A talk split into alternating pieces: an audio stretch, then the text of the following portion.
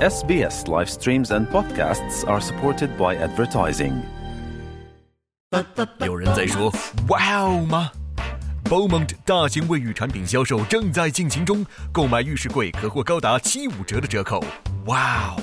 购买洗手池、浴缸、马桶及更多卫浴产品均可享有折扣优惠。既然购买所有卫浴和瓷砖产品均有高达七五折的优惠，那现在就是您翻新浴室的最佳时机。哇哦！您会为选择澳大利亚排名首位的 Beaumont Tiles 而感到欣喜。SBS 电台推出全新普通话播客《解读澳洲 Australia Explained》。在这里，你可以轻松欢快的了解有关澳洲的有趣知识。各位好，我是 SBS 记者丽华。本期 SBS 新闻快报带您快速了解一则关于澳洲电动汽车的消息。自电动汽车首次登陆澳洲以来，价格昂贵一直令人却步。不过，这种情况可能很快迎来改变。据澳洲电动汽车委员会称，澳洲人可能很快就能以略高于三万澳元的价格买到一辆电动汽车。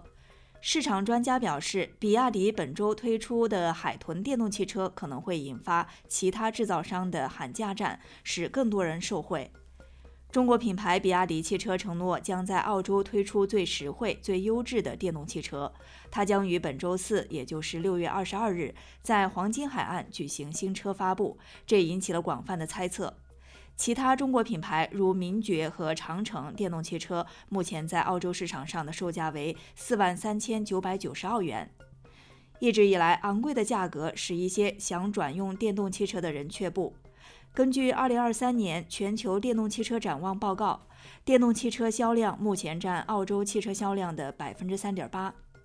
电动汽车委员会行政总裁贾法里表示，比亚迪的承诺凸显了新一代汽车技术面临越来越大的降价压力，加上联邦政府承诺在未来数月内引入燃油效益标准，这种压力可能会加剧。他说，无论是这一款还是其他车型。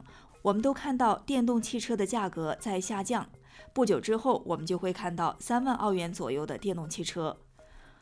澳洲电动汽车协会全国主席钟斯博士说：“对于比亚迪海豚是否会成为首款跌破四万澳元售价的电动汽车，仍然存疑。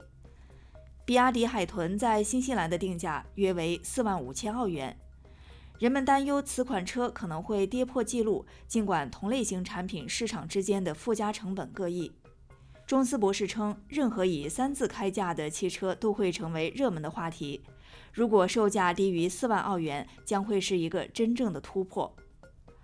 澳洲现有四款电动汽车价格低于五万澳元，而最受欢迎的电动汽车 Tesla Model Y 的售价为六万八千九百澳元。